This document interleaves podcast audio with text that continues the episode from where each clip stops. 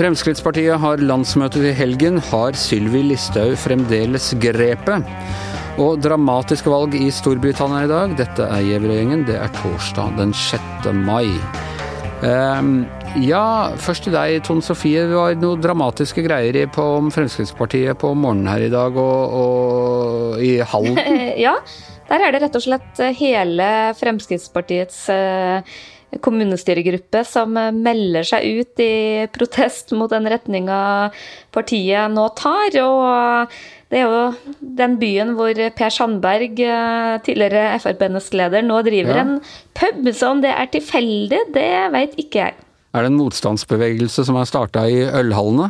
Eh, det kan eh, være. Det fall, de argumenterer i hvert fall eh, ganske likt med, med, med, med, hvordan Per Sandberg har vært kritisk til den retninga i partiet. Det kan jo selvfølgelig være en litt artig tilfeldighet. Men det er jo ikke akkurat noe kjempenyhet å få et par dager før landsmøtet som er varsla å være veldig lite politisk spenning knytta til. Nei, Hva er egentlig Per Sandbergs politiske retning der? Han var jo ganske midt i Fremskrittspartiet, følte jeg da, da, han var av de sentrale. Absolutt, og jeg tror nok at han av mange ble oppfatta som å være litt sånn derre eh, litt sånn ur-Frp-er eh, da, som appellerte liksom veldig til den grasrota. Pragmatisk, konservativ. Absolutt, ja. men Eh, men i ettertid så har nok han vært eh, veldig kritisk til denne, særlig denne nasjonalkonservative retninga. Han har jo også meldt seg inn i Er det ikke Liberalerne, det nye partiet han heter, da? Ja. Så det sier vel kanskje litt. Ja. Men du vet ikke om det er noen sammenheng mellom at han har eh, hans nye bostedsadresse Nei, var, jeg syns bare det var bitte lite grann gøy. Litt konspiratorisk må man få lov å være på en sådan dag. Det er veldig kjedelig hvis vi ikke får lov til å være noe konspiratoriske i,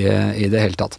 Men det, eh, Fremskrittspartiet skal altså ha eh, landsmøte, og det går mot kroning av Sylvi Listhaug. Eh, men Sylvi Listhaug selv, hvor står hun? altså hun var jo eh, virkelig en som klarte å få blodet til å koke både hos tilhengere og motstandere eh, lenge, lenge. Nå virker det som om det er ikke det samme engasjementet rundt hennes person og hennes utspill som det var? Nei, overhodet ikke. Og jeg bruker egentlig å måle det litt når jeg ser mine litt mer sånn venstreorienterte Facebook-venner er i harnisk. Da er det gjerne et eller annet Sylvi ja. Listhaug har sagt. Og det er også på ja. motsatt side. Hun appellerer jo veldig sterkt til sine tilhengere, og veldig mange syns at hun virkelig setter ord på eh, noe viktig. Det har vært lite av det. Eh, jeg tror nok at uh, Sylvi Listhaug har moderert seg litt. Jeg tror nok at den oppgaven med å bli partileder kom også litt bardus på henne, og at hun nå liksom må prøve liksom å liksom samle og finne støtte i partiet. Men jeg tror nok også at det er et uttrykk for en, en viss usikkerhet, og, og så tror jeg også det handler veldig om politisk dagsorden. Ja, nemlig. Fordi altså, det er eh, pandemien som gjør det litt vanskeligere å ta de uh, Å skape engasjement rundt utspill som type innvandring ja. og sånn? Pandemien ligger jo som en sånn våt, vått teppe over hele norsk politikk, så det er jo noe alle partier uh, sliter med. Men uh, Sylvi Listhaug Mange var liksom sånn Oi, når kommer Sylvi Listhaug-effekten når det ble varsla at hun ble ny partileder? Det er veldig lett å glemme at, at, hun er jo helt avhengig av å ha saker på dagsorden og, og spille på. Nå er jo innvandring er jo ikke et tema i det hele tatt.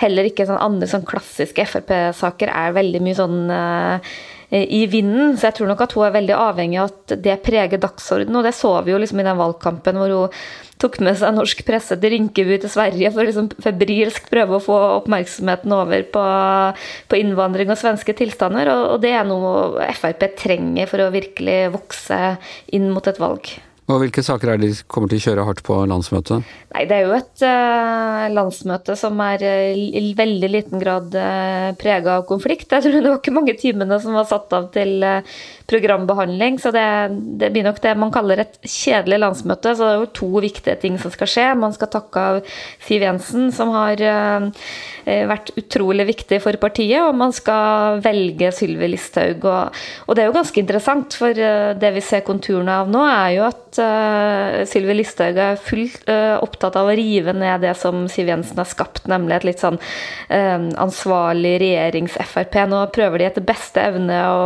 å distansere seg fra det. Er Siv Jensen komfortabel med det? Det er vanskelig å si. Det, jeg tror hun er komfortabel med å slutte og få bruke tid på den nye valpen sin. Så ser vi jo veldig mange av de som har vært på den mer sånn liberale sider, sånn Jon Georg Dale er på vei ut.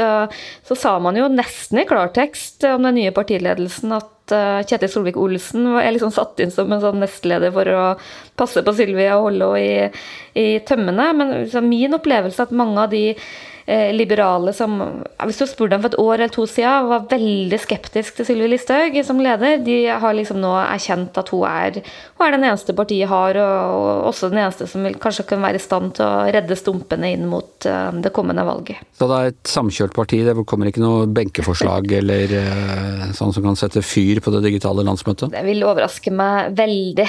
Det, det, vi ser av benkeforslag, er jo liksom knytta til uh, Eh, kvinnerepresentasjonen. For de klarte jo å foreslå et eh, sentralstyre med én eneste kvinne, og det var Sylvi Listhaug. Ja. Og nå er ikke sånn kvotering er ikke noe honnørord i Frp akkurat, men uh, sjøl der så ser vi at mange syns at det der ble litt for lite. Og i tillegg så har du jo nesten bare mannlige førstekandidater, så Ja, så Listhaug kan bli den eneste jenta fra Fremskrittspartiet på Stortinget?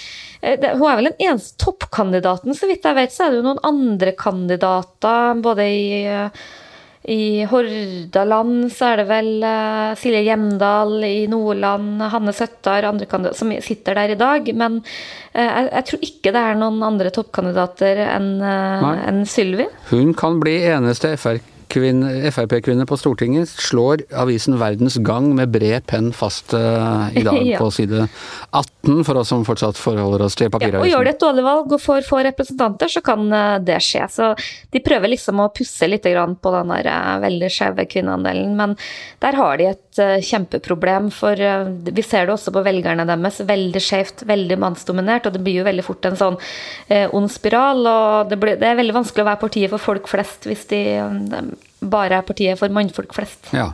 Hva er det beste som kan skje for Fremskrittspartiet eh, mellom nå og valget? At det skjer en eh, gedigen migrantstrøm eh, inn i Europa, eller eh, eh, det, høres jo veldig kynisk ut, men uh, ja. jeg tror de er helt avhengig av at uh, At bompengeprisen går opp, At det skjer et eller annet i nyhetsbildet som gjør at man får et annet fokus. Da. Det kan være mange ting, det. ikke sant? Terror vet du, er sånn som kan endre en valgkamp fullstendig. Eh, forrige lokalvalg det var annerledes, så var det plutselig bompengeopprør som dominerte. men man klarer vel ikke helt å se at noe sånt vil skje, men jeg tror i Frp nå så har de på en måte hittet opp litt sånn eh, høstens valg. Det er valget i 2025 eh, som de sikter mot. Og, og, grunnen til det er jo at da tror de jo at eh, Senterpartiet kommer i regjering, og at de sakte, men sikkert kan begynne å plukke tilbake misfornøyde Senterparti-velgere. Ja, så det skal bli bra for norsk politikk og det norske samfunn som sådan at denne pandemien kommer under kontroll. Uh, ja, uh, Yngve Kvistad. Uh, som du skriver i dag, vanligvis så har ikke, har ikke lokalvalg i England og og parlamentsvalg til, til, skotske og walisiske parlamentet, det pleier ikke å vekke så stort engasjement og oppmerksomhet. Men det er annerledes, det valget som skjer i dag.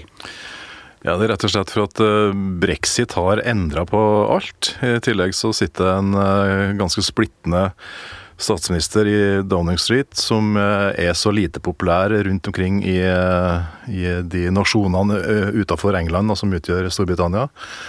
Så det er et helt annet type valg. Nå er det jo ikke uvanlig da, at altså, Torgpartiet, regjeringspartiet, forventer jo en tilbakegang nå. Eh, og det er for så vidt ikke uvanlig, for at dette første valget etter et eh, riksvalg, da Men det er samtidig under en pandemi hvor en del, eh, en del sittende regjeringer har styrket seg som følge av det? Ja da, men, men, eh, men det skal si at, at, det som ofte skjer ved et sånn, Nå er det to år siden den sittende regjeringa ble valgt. og Dette er det første valget hvor velgerne har anledning til å felle en dom over ja. politikerne Da. Og da, da i, I Storbritannia så er det alltid sånn at da da, da, skjer det en korrigering. Eh, så de forventer å, å tape en del, eh, særlig lokalt. da. Men eh, nå er det jo alarm i hovedkvarteret til Torypartiet, for at de, de, forventer at kanskje så mange som 1000, over 1000 eh, mandat eh, kan, altså, kan tapes. da. Uh, samtidig Hvor mange, hvor mange har Nei, de som er, Det er 5000 som er oppe til uh, Som skal velges da i, i England, vel å merke, i dag. For det er lokalvalg og regionalvalg i England, og så skal velges noen ordførere på direktevalg og diverse politimestere. Uh, og av de, av de, 5000 så er det da ca. 1000 som er i, i, spill, som de kanskje regner med at de mister. Da. samtidig så ser det også ut som at de, altså Torypartiet kanskje klarer å holde de mandatene som han tok fra den såkalte røde veggen, altså i Midlands og Nord-England, eh, som tidligere har tilhørt eh, Labour-bastioner. Og Hvis de gjør det, og i tillegg tar et sentralt mandat i Hartlepool, som er altså aldri har vært noe annet enn Labour, så tror jeg nok kanskje at eh, det at de taper noen hundre mandater, det tror jeg fort veies opp av at de har gjort vei i vellinga i, i, en del røde eh, områder. Da. Men så er det jo det er jo valget i, altså parlamentsvalgene i, i, Skottland og Wales som er egentlig det mest interessante her. For at de kan jo få rett og slett noen veldig dramatiske følger. Da. Det er ikke sånn at uh, unionen blir splitta over natta fordi at det blir et flertall for uavhengighet i, i, Skottland, eller Wales for den del. Skottland har jo hatt dette oppe til valg for ikke så lenge siden. Ja, i 2014, og da var det jo 55 av eh, innbyggerne der som sa ja til fortsatt union. De ville ikke ut av, eh, av Storbritannia. Men det som da ble brukt som et argument for å være i den britiske union, var jo den europeiske union. ikke sant? Det at Skottland nyter jo godt, og har nytt godt av veldig mange gode EU-tiltak og EU-subsidier, ikke minst. Eh, nå er de borte. Eh, Storbritannia, eh, Skottland Over 60% av skottene stemte for å bli i EU. De ble overkjørt av det folkerike England. Det samme gjaldt Nord-Irland, dels også Wales. Der var det et flertall, knapt flertall for. Men dette betyr jo da at Altså for uh, å være i, å være i England? I, i, ja. Nei, i EU. EU ja. ja. Men Wales er også et et veldig godt eksempel på noe som har skjedd under Boris Johnson. og det de, har, de har jo hatt en, en, sånn marginal uavhengighetsbevegelse. Men den har økt seg, styrka seg under Boris Johnson, så nå er det jo uh, mellom 30-40% som sier at de ønsker et uh, uavhengig Wales. Uh, og det separatistpartiet som heter Plaid Chumru, uh, ligger an til å gjøre et ganske godt valg da, i det såkalte i senatsvalget, eller Seneds. Eh, elections er nå, og sammen med det regjerende Arbeiderpartiet så kan de faktisk danne et flertall som kan også begynne å jobbe for eh, uavhengighet av walisisk uavhengighet. Jeg synes det, det, det, Sannsynligvis henger det litt uh, er det litt eh, opp og langt fram. Men f.eks. i Skottland der er det en veldig sannsynlig utgang nå at eh, de kommer til å søke om uavhengighet. Eller i hvert fall be om å få en folkeavstemning om uavhengighet. Det er veldig fascinerende hvordan denne knøttlille holdt jeg på å si, øygruppa som har uh, hatt halve verden under seg, hvor mange nasjoner er det mulig å splitte dem opp i? Fem-seks stykker? Liksom? Ja, altså det, det Storbritannia Eh, hvis du ser på The Commonwealth, da, ja. så, så, består jo det av en rekke for så vidt uavhengige, selvstendige nasjoner. Men, også, men der er det noen historiske føringer og på andre siden ja, av kloden også? Men det er det jo også i, eh, det er det også i når det gjelder Storbritannia. da. Eh, det er jo et, det er jo et poeng som ofte blir brukt. at liksom, Hvorfor tror skottene at de kan få lov til å bli definert som egen stat og få bli medlem av EU igjen? og sånt igjen, fordi ja. at, eh, Se på Catalonia, de, de får jo ikke det. Eh, tvert imot, katalanske separatister blir jo kasta i fengsel. og... Oslo får ikke det, selv om det er flertall for EU her? Nei, altså det, det å sammenligne den katalanske situasjonen med den skotske er Det er litt som å sammenligne å si, noe som vi Nei, det er det, eh, epler og pærer. Ja. ja. Ikke noe annet enn det. Epler og appelsiner. Epler og appelsiner, ja. Eh, fordi at Skottland har, nei, unnskyld, Spania har en grunnlov sånn som den norske. ikke sant, At Norge, kongeriket, er helt og udelelig. Ja. Eh, I den spanske eh, grunnlovens artikkel to så står det også det samme, at eh, det er, en, det er et helt og udelelig rike, men det består av uh, uavhengig Nei, av uh, selv, um, autonome regioner, står det. Spesifisert. Altså, uh, og at Grunnloven beskytter deres selvstyre. Men hva står det i den britiske grunnloven, Anders?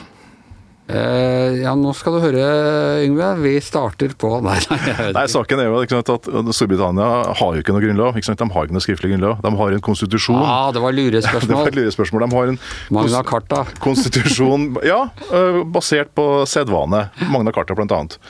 Eh, Men så har de en uh, unionstraktat. Eh, Ikke ulik den som Norge og Sverige i sin tid hadde. og Det er jo da en unionstraktat mellom nasjonene Wales, England og Skottland. Eh, Sånn at, og, og, og, og Skottene er jo veldig opptatt av at dette er en frivillig union.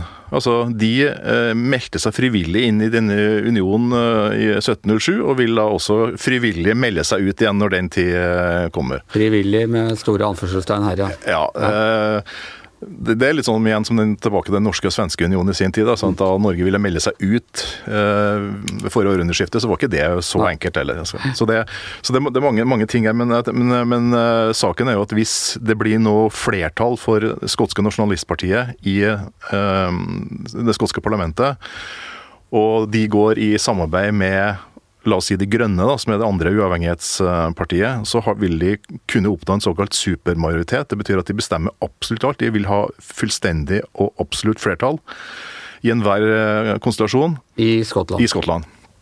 Da vil de kunne Uh, enten for egen kjøl, eller aller helst i samråd med, med myndighetene da, i Westminster, uh, forlange en ny folkeavstemning om, om uavhengighet. Da vil Westminster, eller Boris Johnson allerede, som han allerede sagt, ville avvise det på det grunnlaget at de hadde sin folkeavstemning i 2014. Eh, og at det var en sånn engenerasjonsbegivenhet, at nå skal det gå en, ny generasjon før man kan Slik vi hadde med EU, altså Ja. fra 72 Men det er nettopp det at det har skjedd altså Situasjonen helt endra seg da. Nettopp fordi at eh, brexit har skjedd. eh, Storbritannia er ute av, eh, av EU. Og for skottene, da, som da ble tvangsutmeldt av EU, så, så mener de nå at nå er situasjonen såpass mye annerledes at de kan da kreve en, en folkeavstemning. Igjen så vil Westminster si at ja, men det må, det må parlamentet avgjøre. Eh, Men da sier han ja, ok, men hva var det Boris Johnson sa da under hele brexit-debatten? At folkeviljen må, hvis det er, en, hvis det er eh, et klart flertall for eh, å melde seg ut av union, så skal folkeviljen etterleves. Og det sier jo også skottene nå, da. Og det kan Boris Johnson vanskelig motsi, og det er derfor så har han heller ikke vist seg i Skottland under hele valgkampen. Fordi at eh, han blir jo oppfatta som såpass toxic, da, såpass giftig og såpass eh, vanskelig. Og, og Torypartiet i Skottland har jo, har jo bedt ham om ikke å komme heller. eh, fordi at hver gang han viser seg eller sier noe om Skottland, så øker jo SNP, det skotske nasjonalistpartiet, med 3-5 prosentpoeng på meningsmålingene. Hva skal vi se etter eh, på valgresultatene? Hva er det mest interessante tingene å se etter? Nei, Det mest interessante er jo hvor stor majoritet som eh, Nicola Sturgeon og SNP får i, eh, i Skottland. Altså nasjonale, nei, separatistene? Ja. Ja. Og det samme gjelder i Wales. Altså Hvis Plaid Cymru og Hva har du kalt? Play. Pla- Plaid Cymru, Ja, okay. det, det er da navnet på uavhengige Wales. for. The only gay in the village. Eh, Så hvis de også øker såpass mye som eh, som meningsmålingene antyder, og Labour, som nå har eh, politiske makta i Wales akkurat nå, gjør det samme, så kan jo det føre til en, eh, også en, en eh, et økt ønske om å, om å bryte ut. Da. Så, det, så det, det de to tingene. Og så er det selvfølgelig interessant hvor mye eh, Tory-partiet taper, og eventuelt hvor lite Keir Starmer, altså nyvalgt leder for eh, Labour, vinner. For det er også eh, et moment her i, i England, da, at eh, nå som Corbyn er borte, Starmer er inne, Corbyn, som da var Labour. ja. ja. og misnøyen mot, mot Boris Johnson, så skulle det i sum tilsi at Labour skulle gjøre et veldig veldig godt valg. Men det er det ting som tyder på at de ikke kommer til å gjøre. Så det kommer jo også til å bli veldig interessant. da. Nå er det ikke opplagt å øh, at det er sagt når vi får valgresultatene, valgresultater, simpelthen for at normalt sett så skulle vi hatt dem øh, i morgen formiddag. Men pga. pandemien så er det, er det begrensa tellekorps. Det er også et mye større antall med poststemmer. Sånn at i flere regioner og grevskap som, hvor da skal foregå opptellinga. De, de kom ikke i gang før på lørdagen, også på søndagen, og det er også noen som ikke skal ha før på mandagen. Så det, det er veldig usikkert når resultatet foreligger. Men en, en predikasjon som heter vil sannsynligvis foreligge lørdag kveld. Det blir spennende om Boris Johnson godtar resultatet, eller om uh, de kommer til å storme parlamentet, slik vi har sett i uh, the, the, big, the, Greatest Relationship. Uh, Tone Sofie melder seg inn her med for en gangs skyld i podkasten Breaking News.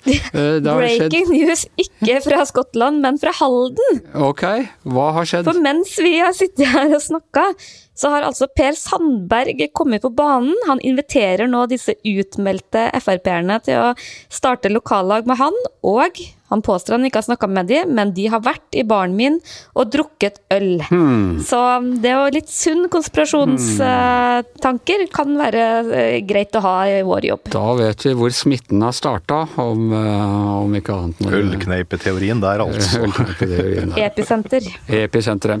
Jepp, ok. Eh, det var det vi rakk fra Giæver og gjengen i dag. I morgen er det Giæver og Gjertsen. Da har vi besøk av psykolog Per Peder Kjøs. I hjemmestudio Tone Sofie Aglen, her i studio sammen med meg, Yngve Kvistad. Jeg heter uh, Anders Giæver, og mannen som styrer det hele fra sin egen ølkneipe borte ved kontrollpanelet, er vår produsent Magne Antonsen.